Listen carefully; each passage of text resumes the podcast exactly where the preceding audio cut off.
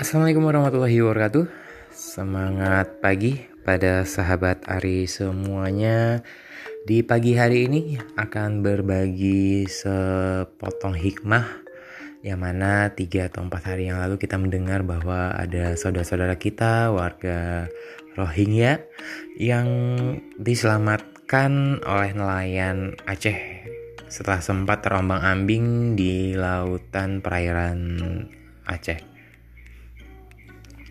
Selamat uh, menikmati.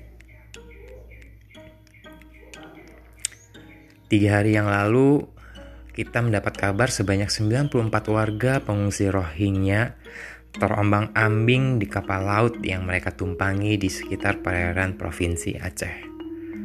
Yang mana dari 94 itu terdiri dari 15 laki-laki, 49 perempuan dan Masya Allah 30 di antaranya adalah anak-anak.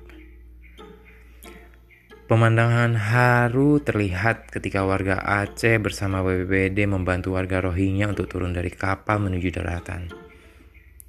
Mereka dibawa ke daratan oleh para nelayan setelah mendapat desakan dari para penduduk sekitar. Mungkin karena latar belakang mereka yang terdampar beragama Islam.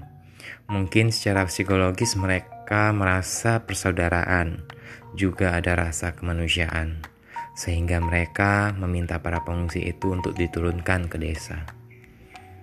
Hal ini mengingatkan kembali kepada sahabat Ali bin Abi Thalib yang mengatakan dia yang bukan saudaramu dalam iman adalah saudara dalam kemanusiaan. Artinya, kemanusiaan adalah nilai tertinggi dalam posisi sebagai manusia. Untuk itu, Berbuat baiklah kepada sesama manusia. Jangan memandang suku, ras, ataupun agama. Karena sejatinya kita adalah saudara. Bantu dan ringankanlah beban saudaramu, niscaya bebanmu akan diringankan Allah Subhanahu wa taala. Rasulullah Shallallahu alaihi wasallam bersabda, "Seorang muslim adalah saudara orang muslim lainnya.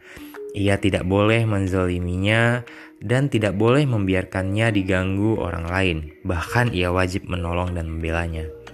Barang siapa membantu kebutuhan saudaranya, maka Allah Azza wa Jalla senantiasa akan menolongnya. Barang siapa melapangkan kesulitan orang Muslim, maka Allah akan melapangkan baginya dari salah satu kesimpitan di hari kiamat. Dan barang siapa menutupi aib orang muslim, maka Allah menutupi aibnya pada hari kiamat. Yakin.